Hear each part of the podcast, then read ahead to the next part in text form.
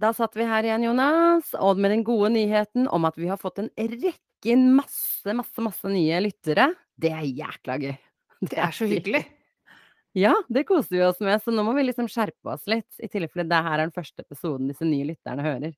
Altså, det har faktisk blitt et sånt lite Jeg begynner å se at man har litt omsorg for hverandre blant lytterne. For uh, forrige uke, som kanskje noen få dere merket, så hadde jeg gjort en feil da vi skulle legge ut denne podkasten. Den pleier å komme ut klokka sju på tirsdag morgen. Mm -hmm. Jeg hadde jo lagt den opp uh, med opplasting klokken sju onsdag morgen. Oh, yes. Så sånn ti-halv elleve-tiden så fikk jeg beskjed av vår PR-manager hva skjer med podkasten. Jeg bare, hva mener du med kontroll. Hun, hun har kontroll. Har kontroll. Hun mener bare hun, Hva mener du med hva skjer? Bare, nei, det har ikke kommet ut noen episode. Å, det er skandale. Det skulle det, og så måtte jeg inn, og så måtte jeg publisere så fort jeg kunne. Og hva er det første hun sier etter da? Etter dette? Hun bare Men hva med stakkars Kristin? Hun hører jo på denne på vei til jobb! så det er omsorg på tvers av uh, lyttere her. Ja, det begynner å bli en sånn gjeng. En ja. gjeng. En podgjeng. Det er deilig. Det er hyggelig. Jeg ja, jeg må bare si sånn lynrask at podden har plutselig dukket opp når jeg minst har ventet det også i, på arbeidsplassen. Og jeg vet ikke hvorfor, men jeg blir så brydd av det. Fordi, altså, jeg syns jo det er skikkelig kult at folk liksom syns det er litt gøy, og, og at man som drar det opp. Jeg syns jo det egentlig det er kjempegøy. Vi trenger jo mer oppmerksomhet til podden. Men når det treffer meg, så blir jeg så brydd. Jeg blir sånn rar. Jeg blir sånn hæ? Jo mer, over, jo mer overraskende det kommer på, jo mer sånn Oi, blir du satt ut og bare Altså, jeg, det tenker jo sikkert ikke du, men jeg tenker jo først bare Å, herregud, hva er det jeg har sagt opp gjennom tiden? Hva kan Å, du ha Gud. plukket opp? Ja. ja vi kan bli du... arrestert. Vi kan bli arrestert på veldig, veldig veldig mye som har blitt sagt i løpet av over et års tid. Så, så vi får bare satse på at de nye lytterne først og fremst hører på de nyeste episodene. Og har det ikke gå bakover i tid. Ikke, vær så snill, ikke gå bakover i tid. Men nok om det. Eh, kult. Flere mennesker hører på, flere mennesker kommenterer. Det er stas. Det er stas. Vi glemmer jo litt det, for vi glemmer jo at alt dette her går ut til mennesker. Så mm, desto gøyere når det plutselig overraskende dukker opp i hverdagen. Normalt så er det bare vi to som preiker sammen, bare at denne gangen her, disse, akkurat denne timen uh, her hvor vi preiker sammen, så har vi skrudd på mikrofonen også. Yes. Um, Nyhetsbildet, Jonas. Det er jo noe stort som har skjedd. Det er voldsomt stort. Jeg fikk så mye push-varsler fra VG om at uh, det har blitt gjort noen avtaler på klimakonferansen. Um, og jeg må innrømme å si jeg har ikke klart å engasjere meg, først og fremst fordi jeg syns det formidles veldig kjedelig. Uh, det er liksom mennesker man egentlig ikke vet hvem er, hvilket mandat de har, sitter og mener og synser og bestemmer ting. Litt sånn som vi snakket om, de voksne blir enige på et eller annet rom, og ingen vet hvem disse voksne er, og hva mandatet deres er. Så det blir bare for mye kjedelig info om noe egentlig som er interessant og viktig. Så jeg har ikke fått med meg hva dette, disse viktige avtalene er. Men Ikke jeg heller. Og jeg, jeg, tror det er sånn der, hvis noen hadde fortalt oss det også, så tror jeg ikke vi hadde forstått det. Nei, hvis jeg skal som gjette, da. La oss ta sånn hypotetisk, så kan det høres ut noe Garantert noe sånt som de voksne har blitt enige om at i 2083 så skal vi kutte 200 tonn CO2 fra det europeiske ozonlaget. Det er sånn Det tipper jeg Det, det er reelt. Det er, det, det, er, det er akkurat det forskerne har vært ute og sagt. Jeg tror de ordla seg akkurat sånn som du gjorde her. Eh, ja. sånn, kla sånn, klassisk eh, Vi skal gjøre det, men allikevel beholde arbeidsplasser og industri.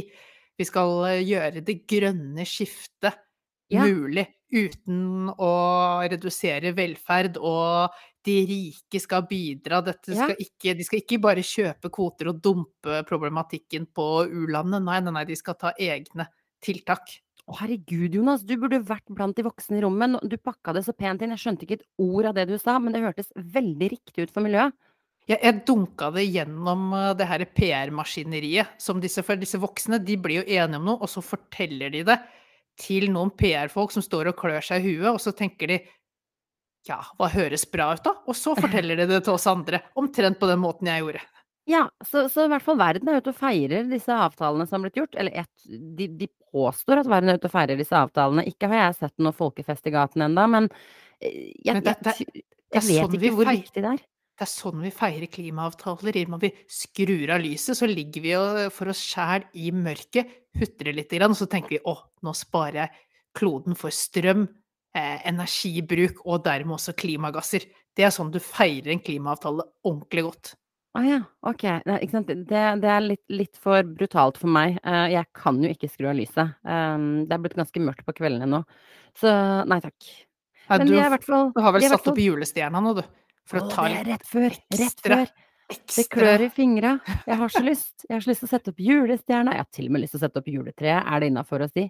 Hadde vært opp til meg og ikke Hvis ikke jeg hadde blitt dømt av menneskeheten, så hadde jeg satt opp julestjerna Nei, juletreet sånn 1. november. Uten, uten problem, liksom. Men jeg tror ikke skam i livet. Men jeg tror jeg blir steina på torget. Jeg tror jeg blir steina på torget, så jeg skal ikke gjøre det. Jeg venter i hvert fall til 1. desember. Det får være Og da, da venter jeg ikke et sekund mer. Da stopper det der. Jeg syns jo det er grytidlig i uh, julefasen, men Du, uh, din julepynt Du har ikke noe stemmerett her. Den eneste julepynten du har, er en, et lite skrin som, som, beveger seg og lager noe du tror er julesang.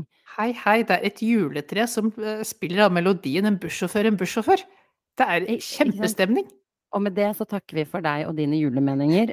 Du er herved frasagt din stilling. Blir det ikke noe Jonas pynter til jul som blir egen spalte framover?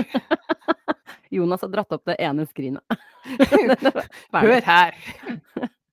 Nei, men der, utover det så skjer det selvfølgelig mye annet drit i verden, men det orker ikke vi i dag, for i dag er en bra tirsdag.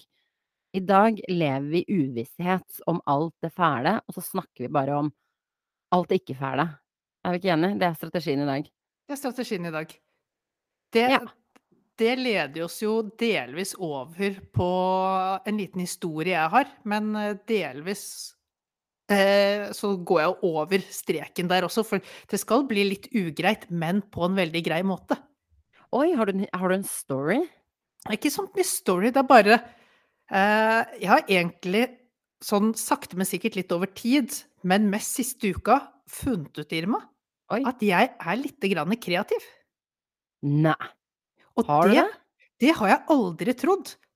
Og det var jo Jeg tror liksom det kom på, på skolen Jeg kan ikke tegne, jeg kan ikke snekre, ingen sånne surreting. Og hver gang man skulle ha sånne kreative oppgaver ellers, så var det workshops og sleng ut ideer uten å tenke over det. Ikke min måte å jobbe på det hele tatt. Så jeg har liksom trodd fra liten av at jeg eier ikke kreativitet. Men nå er jeg ekstremt spent på hva som har fått deg til å tro noe annet. Nei, tror, det er bare sånn sakte, men sikkert overbevisning. Men så er det mer hva jeg har brukt denne realiseringen til da, i denne uka. Mm -hmm.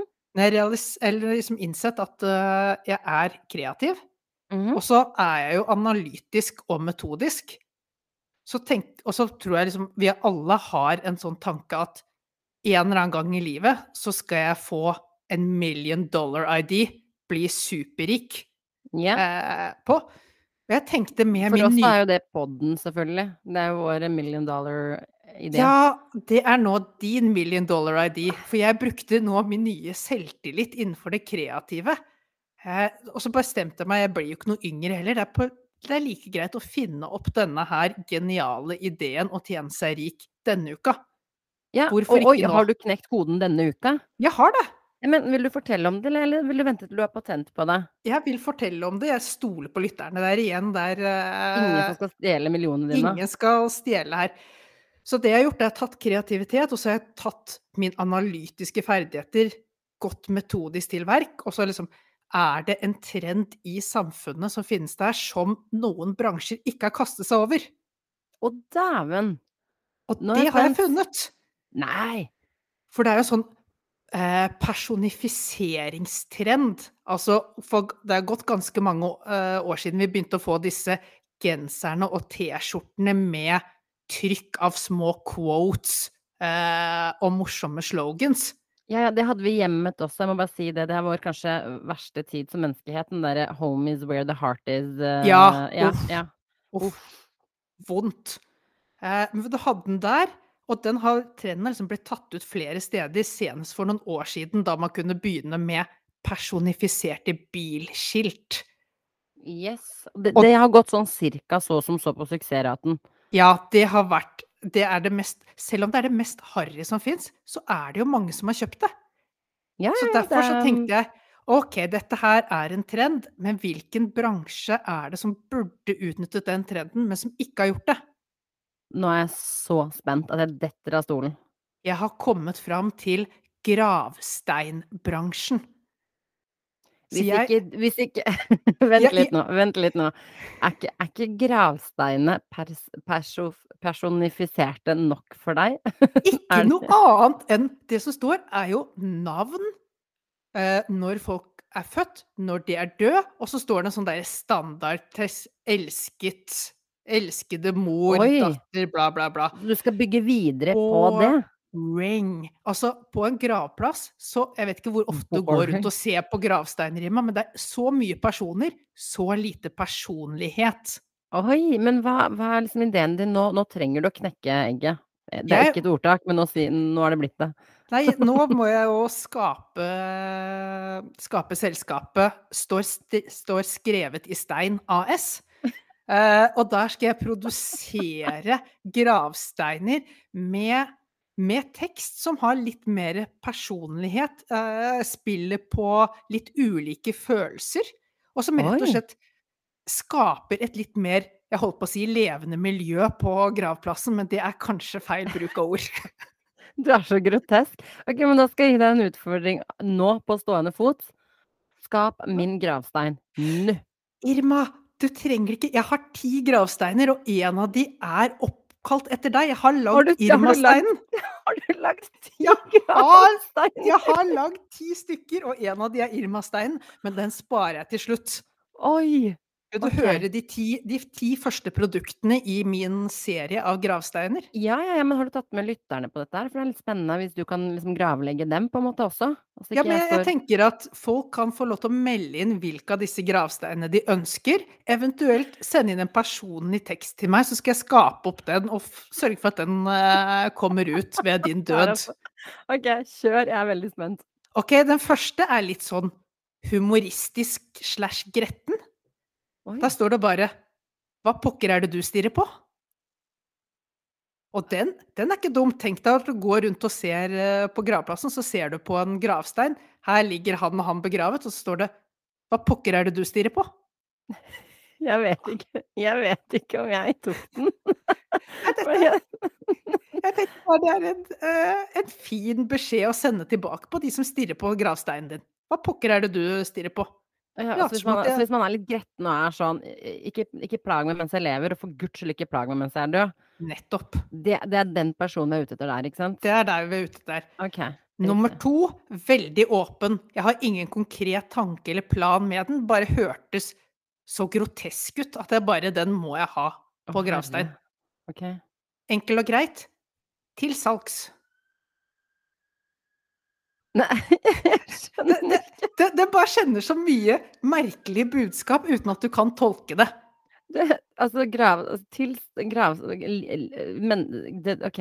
ok. Riktig. Jeg skjønner hvor du skal. Jeg varmer opp. Jeg varmer opp. Ja, så bra. Den tredje, da spiller du litt, et lite ordspill, spiller litt på humor. Da står mm. det 'Dette er så jordnær man kan bli'. Nei! Likte jeg! Den likte jeg! Den burde jeg ha, av sarkastiske årsaker. Du, du kan vurdere den på baksiden som sarkastiske årsaker. Jeg kan putte den på baksiden av Irma-steinen. Men den er grotesk. Men jeg hadde likt det. Jeg hadde likt at folk kunne le ved gravsteinen min. Det hadde vært veldig gøy. Okay? Så bra. Og nå kommer jeg inn i eh, jeg, har, ja, jeg, har, jeg har tre stykker som ligger i en sånn horror-team.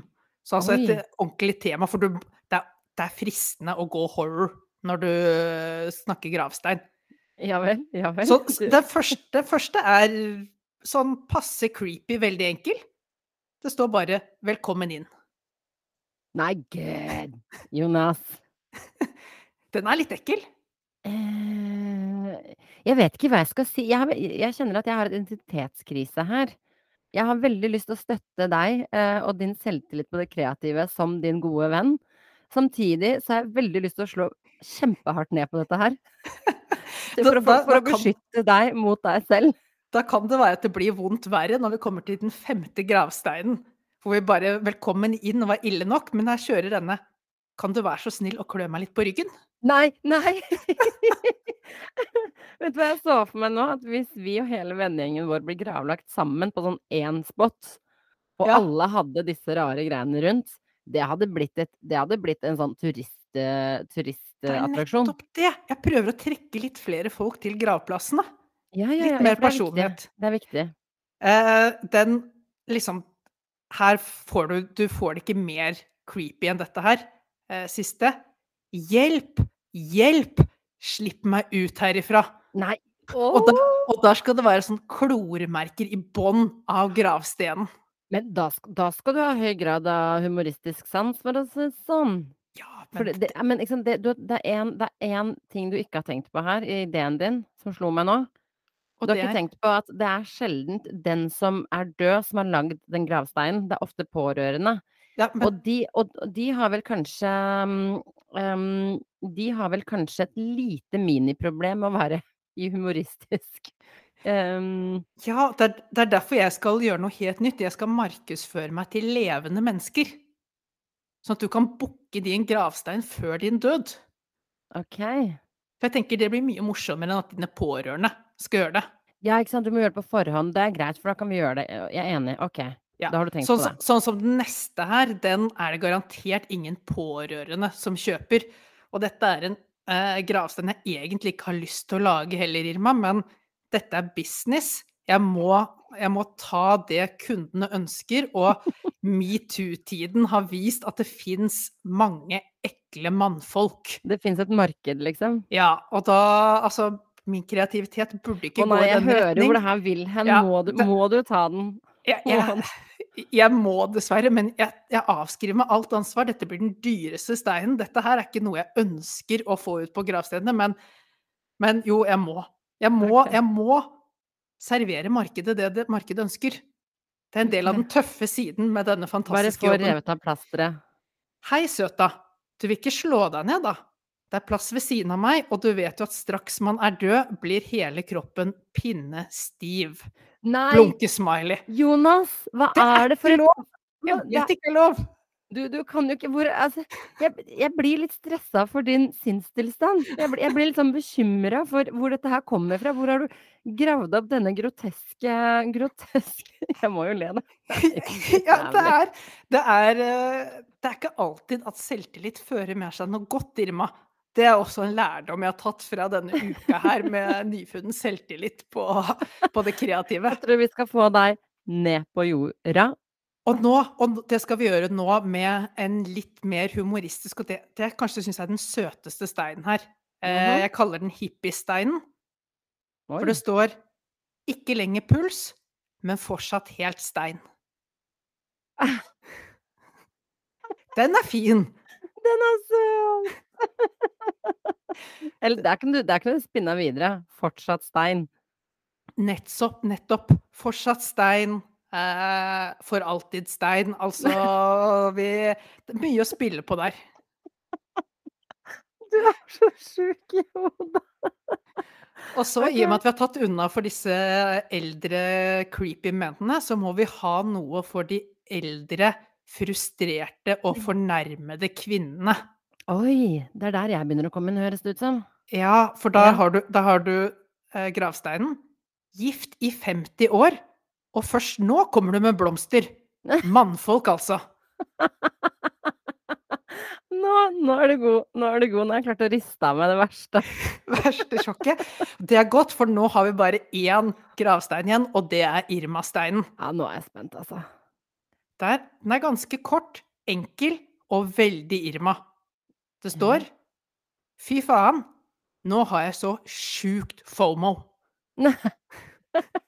Den vil jeg ha på gravsteinen min, så nå, nå Ja. er det on record når jeg dør. Jeg vil ha da, den i kombinasjon med den jordnære. Ja, den Det må jordnære. kombineres. Det blir dobbel pris for deg og businessen din, riktignok, men det får jeg stå i. Tjing. Herlig. Nei, men jeg har trua, Jonas. Jeg tenker du må bare finne noen investorer. Um, så hvis noen hører på og har lyst til å spytte inn noen penger til hva du kalte bedriften?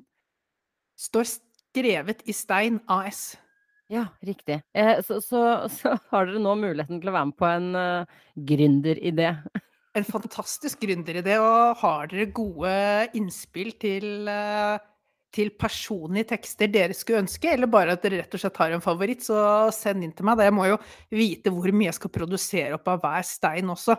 Så det er viktig å få et sånn feeling på markedet, og det tenker jeg at jeg kan bruke lytterne våre til. Ja, hvis du skal bruke lytterne våre som fokusgruppe, så må du begynne å punge ut noen penger også. Det kaller vi investering, ikke sant? Jeg, jeg kan være med å rabattere deres faktiske gravstein. Oi, oi, oi, raust. Nei, men eh, jeg liker det, Jonas. Jeg liker den nyvunne selvtilliten. Jeg tenker vi kan justere litt på den bare. Eh, vi trenger ikke å slå hardt ned på det, men vi kan justere litt på det. Eh, for det er veldig tynn linje hos deg mellom grotesk og, og, og kreativt. Jeg tror Ja. hos deg går det veldig sånn i hop. Men jeg syns jo kreativitet og sin- sinnssykhet går litt sånn hånd i hånd. Sa, Det- det- sa, Det er min alle. definisjon, og det, det kommer kanskje til syne gjennom disse gravsteinene. Ja, jeg tror det. Men jeg satser. Jeg er eh, supporter fra sidelinja. Apropos gravstein og helse, la oss kalle det det. Jeg har opplevd noe av det sjukeste i my, in my life eh, denne uka som har vært. Du har ikke en halv fot i graven allerede, Irma? For jeg har ikke fått Altså, dette jeg hadde et lite millisekund der hvor jeg tenkte "Mm, This is it. Og jeg har jo den greia, jeg har alltid sagt at når jeg dør, så skal jeg alltid Min siste tanke skal alltid være ja ja, it was a good ride.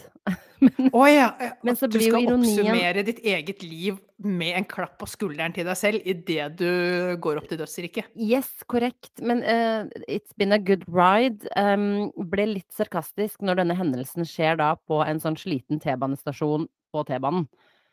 Så it wasn't a good ride, det kan vi jo si, så det passa ikke inn. Men her er det som skjedde. Helt spinnvilt. Um, jeg drar hjemmefra, skal ta T-banen til jobb. Uh, setter meg på T-banen og kjenner sånn trykk i, i, i ryggen. Bare sånn, trykk, ikke, sånn, ikke sånn låsning i det vanlige man kan kjenne på, liksom. Men Nei. sånn trykk, sånn ubehagelig trykk, og det bare eskalerer for hvert skritt jeg tar til T-banen. Jeg kommer meg på T-banen, blir sittende der, og så bare har det eskalert til et sånt nivå av smerte som jeg bare Jeg får ikke forklart det. På et eller annet tidspunkt så begynner den smerten å skyte fra det som føles fra rygg, og liksom gjennom brystet. Og jeg bare Altså typ tvers gjennom kroppen. eh, Og jeg bare Hva er dette for noe? Er det liksom hjertestans? Jeg har aldri vært borti dette her før. Oh my god, nå skjer det. Og så er smerten så stor på et tidspunkt at jeg er sånn Jeg må kaste opp. Altså, den er så stor at jeg må kaste opp. Så jeg sitter på T-banen, den er midt mellom stasjoner, eh, og jeg åpner opp veska mi, fordi det er mitt eneste go to-sted. Um, hvis oi, jeg og jeg vet hvor glad du er i veskene dine. At uh, da vet Ja. vi også at det er, eh, det er ikke plan A, det er ikke plan B. Nei, nei, det er plan Å. Uh, men der sitter jeg, og selvfølgelig er det masse folk på T-banen, og jeg bare jeg begynner å liksom svette, og jeg bare akutt uvel. Alt dette her skjer i løpet av liksom sekunder, nærmest. Så heldigvis stopper T-banen, og jeg hopper av, jeg ser ikke hvilken stasjon det er engang. Jeg bare går, kaver meg ut av T-banestasjonen, setter meg på en benk, kjører pusteøvelser, for jeg må legge en slagplan på hvordan jeg skal løse at jeg er i ferd med å dø. Um, og så ser jeg en taxi, det var som meant to be. Han bare liksom stopper nærmest ved siden av meg. Jeg hiver meg inn, og så sier jeg nå må du kjøre meg til nærmeste helsepersonell. Å Og han er sånn mer «Øh, spesifikk. Ja, ja, jeg bare altså, jeg, For jeg vet jo ikke hva dette er. Nei. Jeg vet jo ikke om dette er ledd, muskler, organer, hjertesvikt. Altså bare sånn Bare kjør meg til et eller annet sted hvor man kan få en eller annen behandling. Jeg tar hva som helst. Han kjører nøyaktig fire minutter, og jeg betaler blodpris for det. Men jeg er på det tidspunktet så svett og uvel og jævlig at Og det bare eskalerer fortsatt, ikke sant? Det bare fortsetter. Jeg blir sluppet av på et random sted. Eh, Jeg ser at det er noe sånn eh, kiropraktikk, fysioterapi, et eller annet sånn type sted. Ja. Jeg hopper ut, går inn der. Der sitter det mennesker på venterommet. Og jeg, det første jeg får øye på, er en da En behandler, da, la oss kalle det det, for jeg vet jo ikke hva han er på det tidspunktet. Han kommer gående ut for å da hente en pasient, sannsynligvis. Jeg bare Jeg må ha hjelp nå! Eh, ellers så setter jeg meg ned her, og så hylgriner jeg, og jeg kan kanskje finne på å kaste opp midt på venteværelset ditt. Så blir jeg liksom pent sånn bare liksom, De andre var sånn Alle var liksom enige i det rommet på det tidspunktet at jeg måtte ha hjelp. Å ja, ja, det var ikke noe sånn derre Hvem er hun fulle dama her? Ro deg ned hysterisk. De skjønte alvoret. Ja, det var bare sånn Det var helt greit at jeg bare gikk foran køen, for å si det sånn. Ja. Og jeg var jo veldig dramatisk, men denne gangen eh, fordi det var nødvendig. Ikke sant? Eh, kommer inn der, han begynner å ha sånn Ja, vi må registrere deg, ikke sant? Og jeg bare Du, de kan ikke sitte og registrere meg nå, nå må du gjøre noe, liksom. Enten så gjør du noe, eller så registrerer du meg i dødsarkivet ditt. Ja. Så dør jeg rett her og nå, men det går bra, for jeg har gravstein på plass. Ja. Nei da, så jeg får da behandling, han undersøker, han forklarer for meg, han står liksom og viser meg hva som har skjedd. Jeg klarer ikke å følge med, for jeg er i sånn sjokktilstand. Jeg har jo hatt det nærmest kanskje nærmest jeg har kommet en døden nær opplevelse. Så men han sier at dette ikke er noe farlig, det er bare et eller annet og et eller annet, det er blanding av muskler og ledd, og det er masse greier som har skjedd. Så han eh, knekker opp litt, eh, masserer litt, trykker litt, uh, hurra meg rundt. Og det løsner sånn akkurat nok til at jeg føler at jeg kan trekke pusten ordentlig igjen, ikke sant. Så jeg føler meg jo så letta av at jeg ikke måtte dø på dette random stedet hvor jeg var.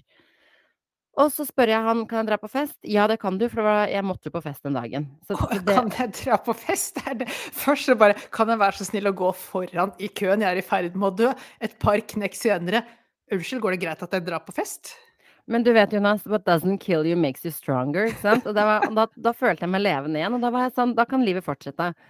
Uh, så det var en sånn helt sånn absurd opplevelse, og så forklarer han for meg liksom rett før jeg skal dra, så sier han du har veldig mye um, Jeg vet ikke hva jeg skal kalle det, han brukte andre begreper, men mye anspenthet, mye låsninger, mye ting som har på en måte over tid nå satt seg veldig. Eh, og dette kommer til å ta noen dager før du kjenner liksom en full lettelse. Og da slo det meg. Tidsklemma har tatt meg. Jeg har fått en fysisk reaksjon på psykisk stress.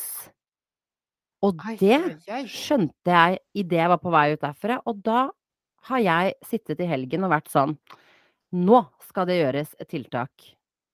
Og jeg har satt i gang beinharde tiltak. Oi, få høre. Ja.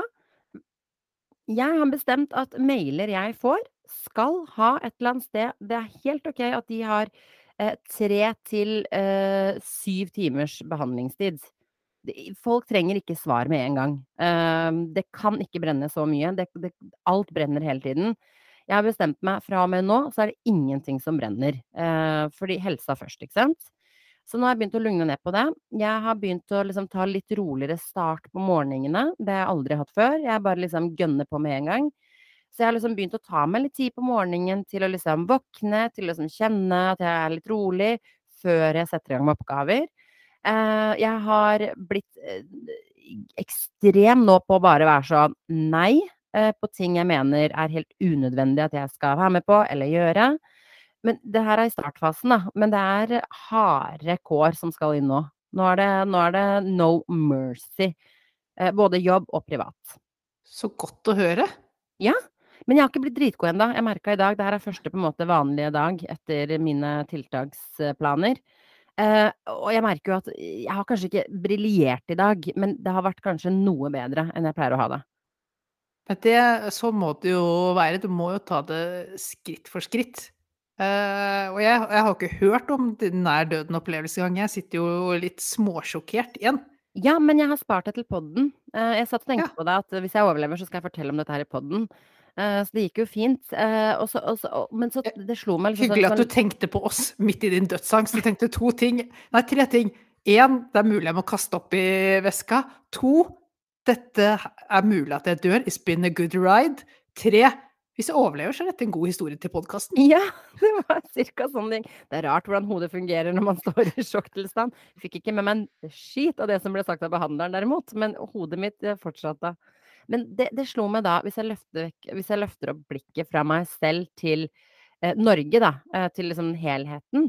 Ja. Denne tidsklemma, eh, vi har jo alltid hatt den til en viss grad. Og så fikk vi nå ett og et halvt år med liksom pandemi, lockdown, som gjorde at man har jobba på et annet vis. Man har kanskje jobba mer, men litt mer selvkontrollert jobbing. Og nå plutselig så har man på en måte tatt med seg det verste fra to verdener. Denne tidsklemma før korona er nå tilbake, ikke sant. Man skal være litt overalt, man skal treffe folk, man skal gjøre ting, man skal eh, være tilgjengelig osv. Sammen med den ulempen vi hadde i korona, at man liksom alltid var litt på jobb, fordi man satt jo bare hjemme uansett. ja. Så nå har man fått liksom de to vondene fra to verdener som har blitt slått sammen til én, og jeg tror det er garantert mange der ute som kjenner i forskjellige grader det jeg har kjent på. Dette er overveldende. Er det et ord? Overveldende. Overveldende. Overveldende. Eh, overveldende liksom overgang. Eh, det er mye. Det er det er mye, mye, mye hardere, eh, og mer intens nå enn det var den vanlige tidsklemma vi hadde før korona. Ja, og nå skal også mye ting skal bli så stort òg, for det er første gang. Første gang vi har en Ja. fest sammen, første gang vi møtes på lenge. Nå må vi få til noe, det er så lenge siden vi har eh, møttes, etc., etc. Så det er veldig lett at alt bare fyller seg opp, og at alt er mer intensivt, og at du, du må være så påskrudd hele tiden. Ja, og det det måtte man på en måte under korona, fordi man man måtte jo jobbe, man måtte jo stå på mens det pågikk, eh, og man sto kanskje på enda hardere fordi man var redd for mer shutdowns, man var redd for perm permisjoner, man var redd for liksom veldig mye, så man liksom ga jernet, på en måte. Men nå må man liksom gi jernet sånn som man gjorde i korona, men nå også med all fysisk tilstedeværelse og liksom alt det pre-korona-greiene. Så jeg vet ikke, jeg lurer litt åssen Det hadde vært spennende å høre hva lytterne hvordan de opplever liksom denne nye hverdagen. Um, men vi har ikke hatt noe overgang, vi har ikke blitt eh, lært opp til hvordan man går inn og ut av en pandemi. Eh, vi har liksom Det er ingen rutiner eller struktur på det, egentlig. Eh, så man blir litt overlatt til seg selv å finne ut av det, og jeg har jo veldig lite selvkontroll. Så jeg bare gønner på til det på en måte sier stopp av seg selv, og det trodde jeg ikke det skulle gjøre. For det føltes veldig under kontroll. Eh, men Ja. en en god en god lærdom at, uh, lugna ned. Ingenting er, eh, om liv og død annet enn helsa di. Nei, og det det er jo bokstavelig talt om liv og død, så det er jo godt å høre at du har tatt tiltak, og jeg tror jo veldig på disse disse her øyeblikkene hvor du ikke gjør noen verdens ting, og det er greit. Eh, Ja. altså ikke engang sånn aktiv, for du har noen ganger sånn herre aktiv hvile, ok, jeg skal sette meg ned og jeg må få sett den serien, jeg må få, eh, gjort dette prosjektet, jeg må få strikket den genseren, etc., etc.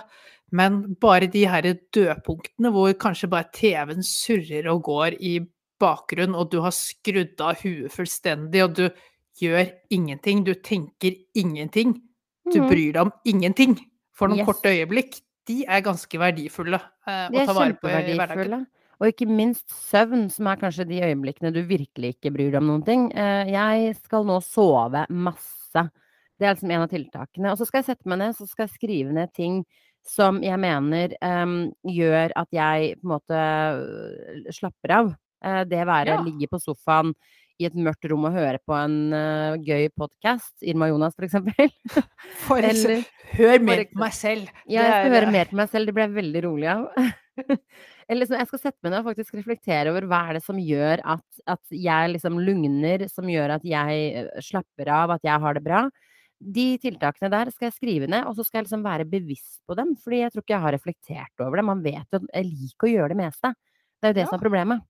Ja, Så, og det mm og det tror jeg på en måte hvis hvis du ser gjennom hva du har vært igjennom, så har du sikkert vært igjennom veldig mye artig og gøy som du, eh, hadde visst. Og nå vet vi jo også et varselsignal, da, er mm. hvis du frivillig drar tidlig hjem fra en fest, som vi Mhm. snakket om i forrige uke, At jeg gjorde det på fredagen, ja. Nei, da er det da er det fare for at du er døden nær uka etter. Ja, Så det ikke sant? det er et veldig da kan vi feste det som en sånn derre ting å henge på. Skulle du komme så langt igjen neste gang at du drar frivillig tidlig hjem fra en ålreit fest, Mhm. da er det bare å da er det bare å legge seg ned og bli liggende i senga i 2-3 døgn. Ja, det er det, men her skulle vi gjerne hørt litt fra lytterne også. Har dere noen gode tips og råd? Har dere hatt noen tilsvarende erfaringer? Ehm, hvordan kjenner dere på liksom livet etter korona og og stresset eller jaget?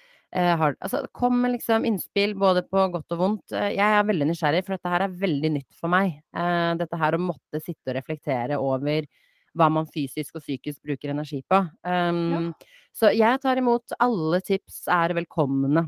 Jeg tror også kan få ett tips fra meg også da, Irma, er Ja. at jeg tror veldig på dette her å å vri tankene sine, altså bevisst tenke på positive ting, da. Eh, fine ting man har i livet, eh, relasjoner, trygghet, de tingene der. Og for om du har masse jobb og sånt, det kan være vanskelig å skru av huet, slutte å tenke på det, men hvis du klarer å vri tankene over på sånne positive ting, da, så får du en 4-5 minutters pause hvor du ikke bare slutter å tenke på det som stresser, men også tenker på fine ting du har i livet, så får du en sånn positiv følelse i kroppen òg. Du, vet hva, nå skal jeg fortelle en hemmelighet. Det gjør jeg nesten hver kveld når jeg legger meg, og det er ikke fordi jeg ber eh, sånn som folk gjør. Hva heter det sånn nattbønn? Nei, hva heter det? Det heter bare å be. Ja, fordi amerikanere gjør det, ikke sant. De ber ved senga-stemning. Ja. Eh, det gjør jeg ikke. Men jeg har sånn fantastisk når jeg legger meg i senga, så ser jeg rett ut av vinduet mitt. Og nå i det siste så har det vært mye regn, så det er sånne kveldsregndråper på vinduet med litt sånn reflekterende lys i. Det er veldig hyggelig. Eh, og da, eh, da tenker jeg sånn, herregud, her ligger jeg på, i senga mi, trygt og godt og varmt. Jeg har det jo kjempebra. Det er jo tusen årsaker til at jeg har det dritbra. Um, jeg har liksom ikke noen av livets store utfordringer.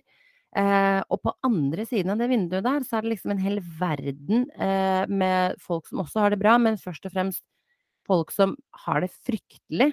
Uh, og så tenker jeg Tenk så heldig jeg er, det tenker jeg. Og så tenker jeg også sånn Hvorfor gjør vi ikke mer? Hva kan vi gjøre? Så jeg, jeg har de der kveldsrefleksjonene, fordi det vinduet mitt er litt sånn inspirerende vinkling på det når jeg, når jeg legger meg om kvelden. Du, Ja. blir, du blir filosofisk, du, av et vindu og noen regndråper. Ja, jeg, jeg, jeg vet ikke hvorfor, det er veldig rart, men, men, Men, eh, men kanskje Og det er veldig fint at du også tenker hva kan man gjøre for de andre, men uh, kanskje også liksom, fortsatt legge fokus på det at man er heldig, og bare hva som er fint i livet. Det er også Man senker skuldrene et par centimeter ned og puster litt dypere når man gjør det. Mm. Og da tenker jeg også sånn, hva er fint i livet? Jonas er fint i livet. Det tror jeg alle som kjenner Jonas ville sagt. Og de som ikke kjenner meg, dere har, er på andre siden av vinduet til Irma, dere som har det litt verre her på kloden. Korrekt. Ja, for en hyggelig ting å si, men det gjør jeg også. Jeg bruker jo vennskapet vårt veldig ofte på hvis man er litt trist og lei, har en dårlig dag, og tenke over på det. Da. Men så fint. Så fint et sånt vennskap er. Så hyggelig det er. Ja, jeg er Enig. Å herregud, nå mista vi oss sjæl i podden, Jone. Herregud, nå ble vi Dette her ble Men jeg tror vi først som sist skal lage den gravsteinen min, at jeg bare serverer det med en gang. For jeg vet ikke om jeg har skikkelig trua på meg selv, at jeg klarer å få gjennom alle disse tiltakene mine. Nei, altså, det varer sånn én til to uker hos meg når jeg legger inn tiltak. Det er liksom Ja. det beste. Men her Jeg får jo gjøre Jeg skal prøve å hjelpe deg, Irma, til tross for at det går utover businessen. Du er jo min første sikre kunde nærmest her, så det er jo Ja. businessmessig dumt. Men jeg er såpass glad i deg at jeg skal prøve å hjelpe deg å holde på tiltakene. Det er sant. Nei, men det er kanon. Uh, videre on to the next. Nok om meg. Uh, vi har jo Jonas, som vanlig. Vi har jo da, da, da, Et ordtak. Ja. Jeg, jeg kommer ikke til å si ordtrykk. For jeg skjønner at du prøver liksom å legge opp til at jeg skal si det først. Nå sa jeg det først òg, men det var bare for å si at jeg kommer Jeg kan gjenta det etter deg for å spille med, men jeg kan ikke si det først. Men jeg har et, og i dag er det altså veldig passende fra, mot din historie, for så vidt. Uh, uten at det var planlagt, siden det var først når jeg fikk vite om den. Men strek i regninga. Ai, ai, ai, ai, ai. Det var jo absolutt denne opplevelsen din denne dagen. Det var en ordentlig strek i regninga for deg. Det strek, eh, ripe i lakken, strek i regninga, you name it. Yes. Det betyr jo at eh, det er noe skit som har skjedd. Altså det er noe dårlig, det er noe negativt, på en måte. Ja, noe har skjært seg. Noe har skjært seg, rett og slett, ja. Noe gikk ikke som planlagt. Det her Ja, nå må Men strek i regninga. Nå tenker jeg logisk. Um, når man bestiller noe på restaurant f.eks., og får regninga, uh, som det heter, uh, så kan man jo si at ok, jeg var misfornøyd med dette og dette, og så må man stryke over det, så man betaler ikke for det. Stryk i regninga. Og det vil si da, da har restauranten eller servitøren eller noen liksom Da har det ikke gått som det skulle, da. Ikke sant? Suppa var kald. Stryk i regninga. Så du tror at det kommer fra det å krysse over ting? At det er der streken i regninga kommer fra? Ja, at du rett og slett liksom Du har ikke fått det du skal ha. Det har gått gærent. Men Det er helt tydeligvis riktig, Irma. Er det det? Det er helt riktig. Mener du det? Yes! At det her kommer, det kommer fra dansk. En strek i regningen, eller liksom strek i regnskapet, strek i regnestykket. Da er det hvis det var ført inn noe gærent, så Ja. kom den streken som vi kaller liksom nå stryke ut, da, eller krysse over. Eh, Det er streken i regninga. Aha, endelig! Jeg tror det er første gang jeg treffer full pott. Og da regner jeg med at du beholder den? Den beholder vi, den er logisk. Og det Åpenbart. Og det er jo ironisk nok en strek i regninga for denne spalten her. Men den liker jeg. Men det er jo sant, men som i dag så ville du ikke nødvendigvis fått, eh, måte tatt noe av regninga, men når du klager på noe i dag, da, så gjerne så skal de få muligheten til å rette det opp, eller liksom OK, det er kald suppe, og da kommer de med en varm til deg, eller et eller annet. Så det er sjelden du liksom ender opp med å ikke betale for noe. Eh, og restaurantene og servicen i Norge spesielt har jo ikke noe sånn dritgodt rykte. Eh, jeg har jo sittet på mange nok restauranter og vært sånn det er hår i maten, og så tar de maten ut, fjerner håret og kommer tilbake med samme maten. Altså, det har vært på det nivået. Så, så det er ikke så mye stryk i regninga. Um, det er kanskje mer hvis det har dukket opp et uh, Dukket opp en drikke eller en matrett på regning som du ikke har fått, eller ikke bestilt. Si at liksom yes. har slått inn feil. Men er du god der, Irma, til å Si ifra? Til å si ifra, og, oh, ja. men, men å oppdage det? Og så ser du på regningen etter du har betalt, for jeg kan også være sånn jeg kan Jeg gå gjør ikke det, vet du. Det gjør ikke jeg heller. Er min Jeg husker min mor er veldig god. Hun etter hun har vært uh, i matbutikken og handlet, så får hun regningen, så ser hun over. Hun ser liksom at hun ikke har fått noe på regningen hun ikke skulle ha, og at hun har fått alle tilbud som skulle være der.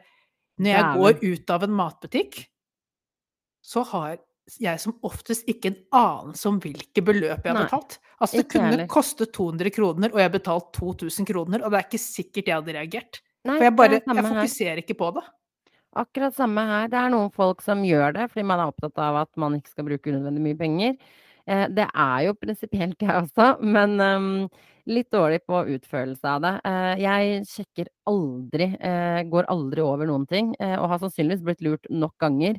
Men samtidig så er det sånn tillitsgreie. Jeg blir litt sånn hvis det skjer en feil på, på Kiwi, da, eh, og jeg har en ekstra vare en eller annen gang på regninga, så kan jeg på en måte stå i det, for sannsynligheten for at det ligger noe ekstra på regninga mi hver gang, er jo ganske liten. Eh, Det, altså, det er ikke liksom make Kanskje de break it. glemt, kanskje har de glemt å få med et produkt neste gang, ikke sant? Så går det litt Du tenker at det går opp i opp gjennom uh, livet. Ja da, det gjør det. Og så vipper det ikke båten. Det er heller ikke et ordtak, men nå er det det. Det, det vipper ikke båten. Nei. Det Nei, vipper men ikke båten. eh, det Du har truffet på ordtaket. Jeg tror eh, Altså, nå tror jeg det sitter lyttere som bare sitter helt apatisk og ser ut i lufta. For nummer én, de har fått sjokket av mine gravstener, som burde være nok til å slå dem ut. Nummer to, de har oppdaget at eh, de var i ferd med å miste deg eh, forrige uke.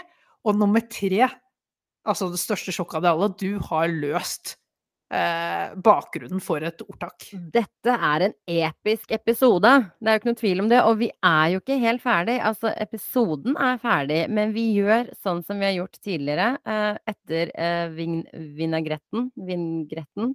Der er vi tilbake til vårt vanlige nivå. Det er godt. Ja. Etter at dere har hørt avslutningen på den poden her, så kommer det selvfølgelig en Formel 1-spesial. Og er det noensinne vi trenger en Formel 1-spesial, så er det nå. Mye har skjedd i helgen. Så for dere som logger av nå, tusen takk for at dere hørte på. Så for dere som blir med oss videre, følg med her.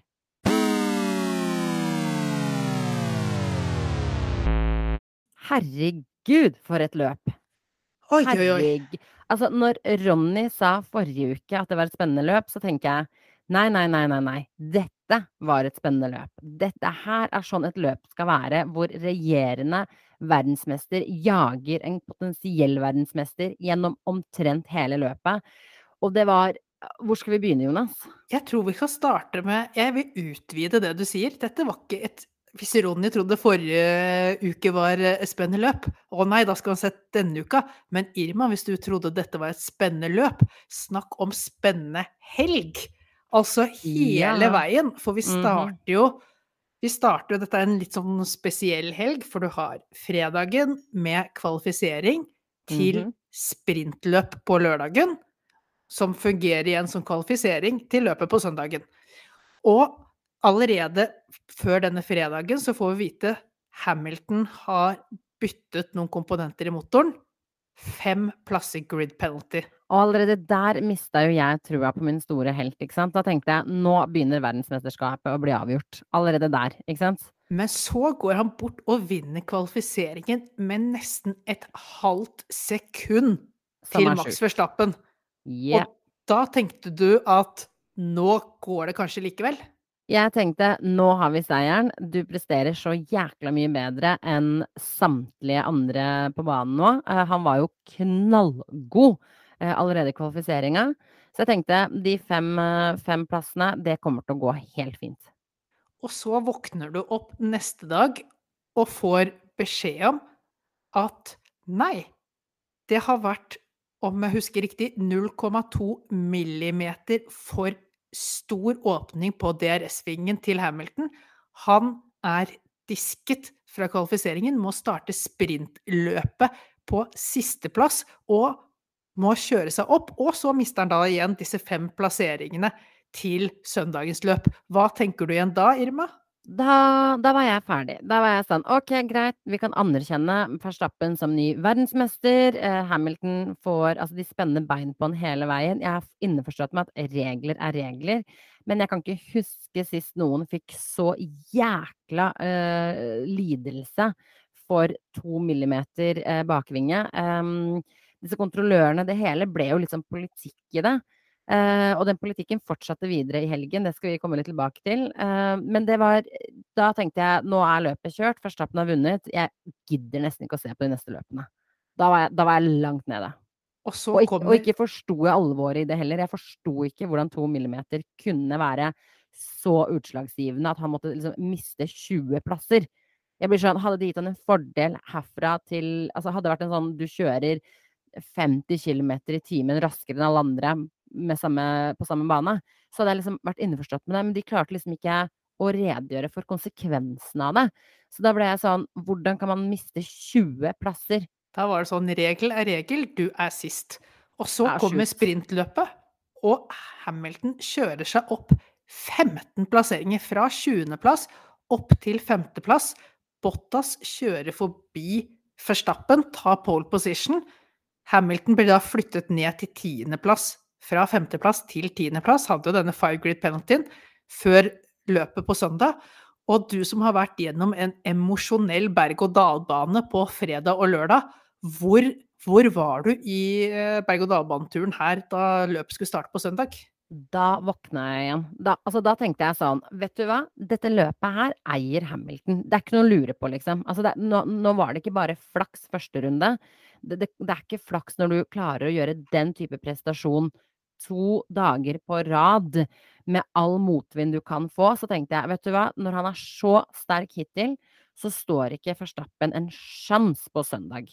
Det var min umiddelbare greie, og jeg gleda meg til søndag, så jeg holdt på å dette av stolen og trippa meg gjennom. Eh, men så skjer det noe annet, Jonas. Jeg vet ikke om du har det i beregninga di?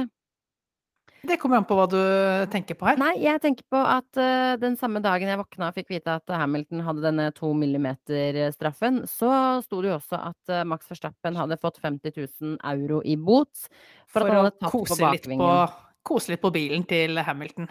Ja, og, og det er sånn Eller industrispionasje, som det heter i Formel 1. Ja, og, og, og der, der, ble, sant, der ble jeg sånn eh, Disse reglene gir jo uh, sjeldent mening. Det virker som de tar det litt på gut feeling. Uh, jeg mener jo at uh, en, en pengebot skader ingen i Formel 1. Du kan gi dem så stor bot du bare hæler. Både teamet og førerne har så mye penger. Det har ingen konsekvens for dem. 50 000 euro for Max Verstappen privat eller teamet, det er peanuts. Så det gir de beng i det han burde også blitt Han har- burde 100 også blitt straffet eh, med å miste plasser. Altså, det er jo den det- eneste tank- måten å skade dem på.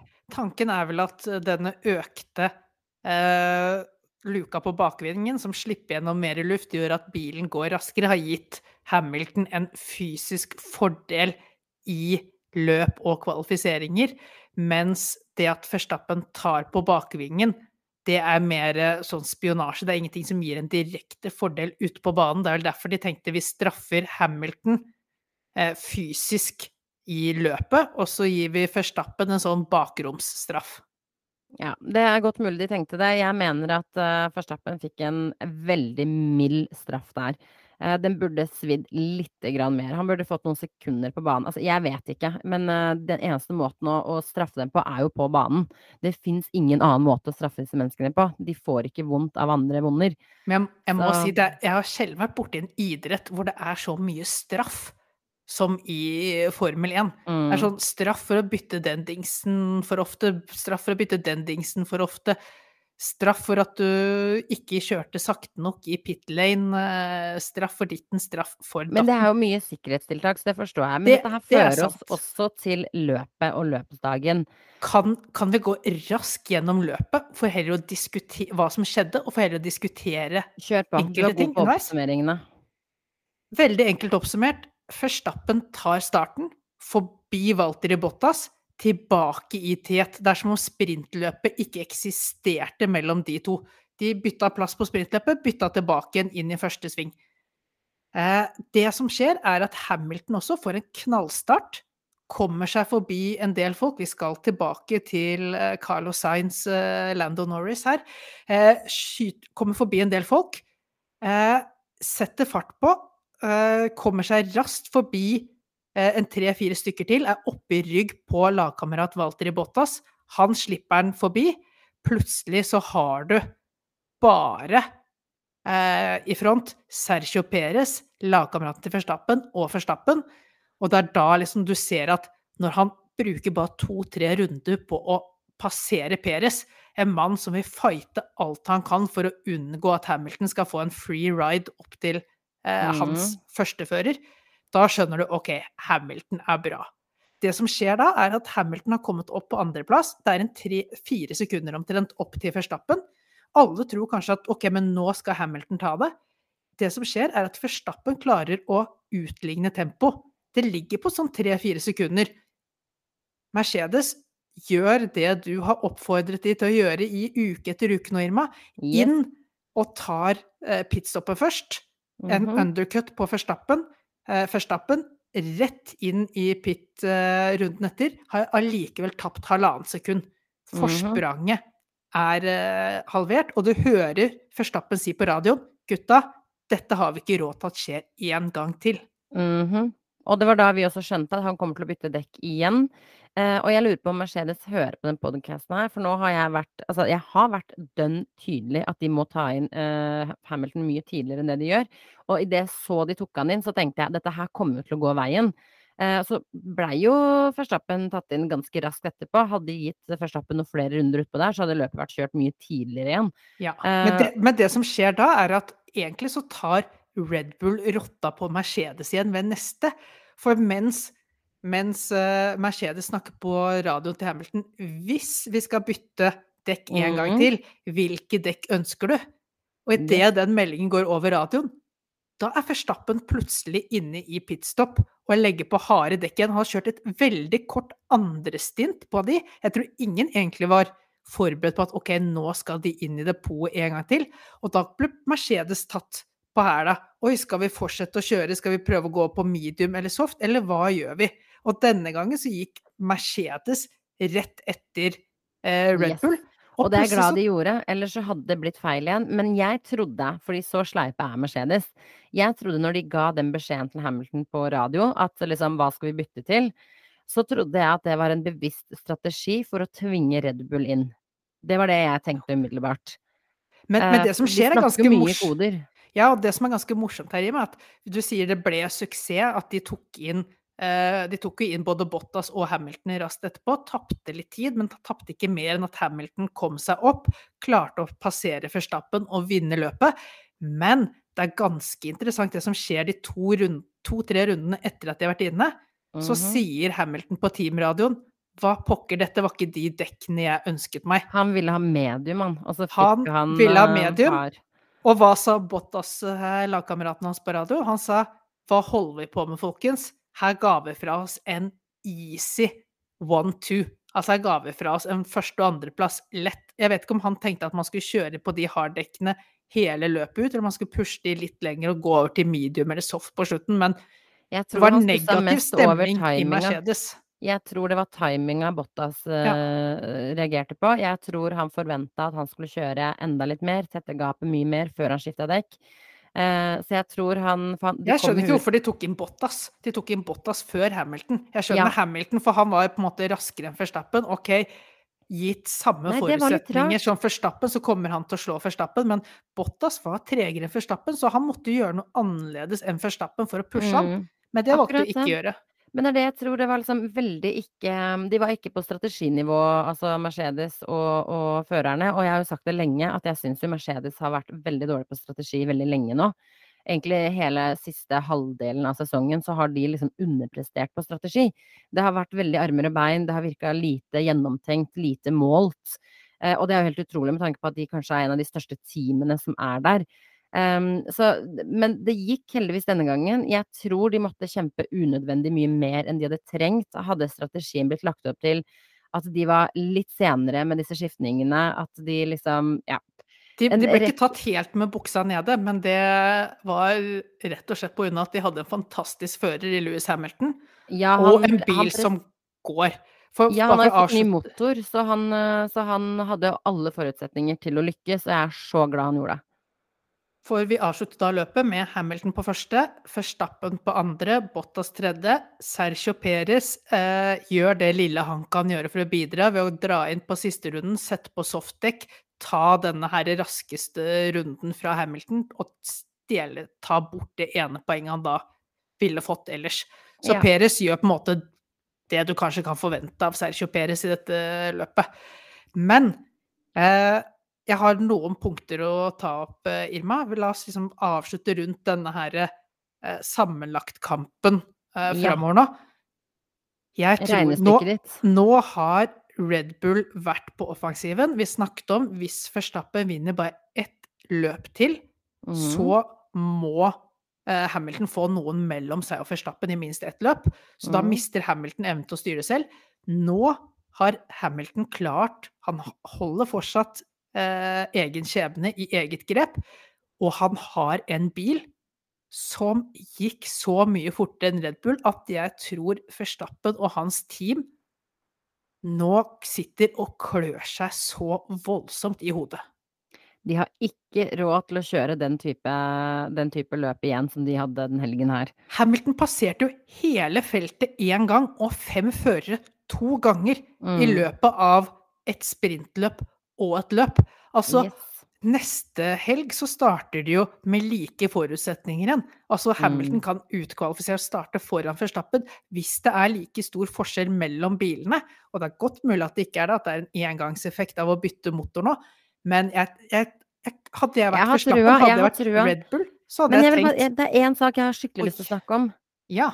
Eh, den, den første forbikjøringsforsøket Ja. til Hamilton på Forstappen Det, For vi må det, ta Men kan vi først For to, jeg vil ha to, ta tak i to ting, Irma. Mhm. Eh, den er den ene, eh, men la oss ta en litt mer uviktig ting egentlig først, da. Som jeg okay. også syns at dommerne var feige gjennom løpet. Altså det har vært mye gjennom De hadde slått ned ganske hardt med straffe gjennom helgen, men Yes. i løpet var de feige.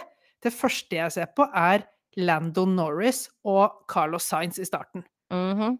Carlos Sainz har en start det er litt som å se en eldre oldemor prøve å skru på den elektriske den elektriske rullatoren. Altså, det går jo ikke av gårde fra start. Hun står stille. Lando Norris får en god start.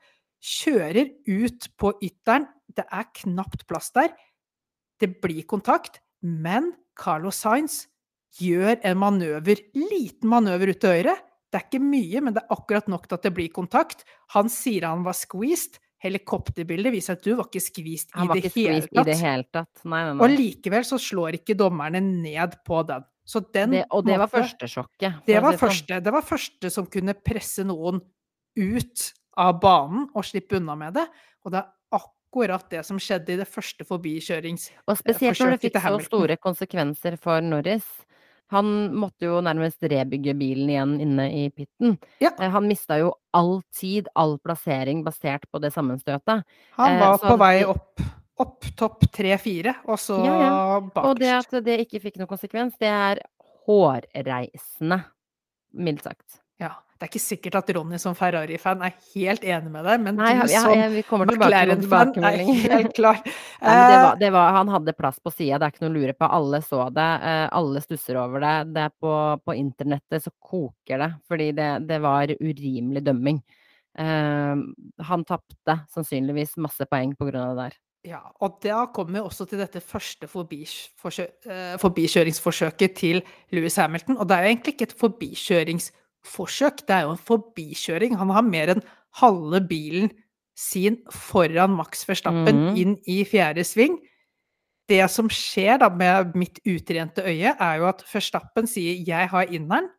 Jeg bremser så sent at jeg umulig kan klare svingen. Mm. Jeg må altså ut utenfor ytterste del av svingen. Mm. Men kjære Hamilton, siden du ligger utenfor meg igjen, så har du to valg. Du kan krasje i meg, ingen av oss får poeng.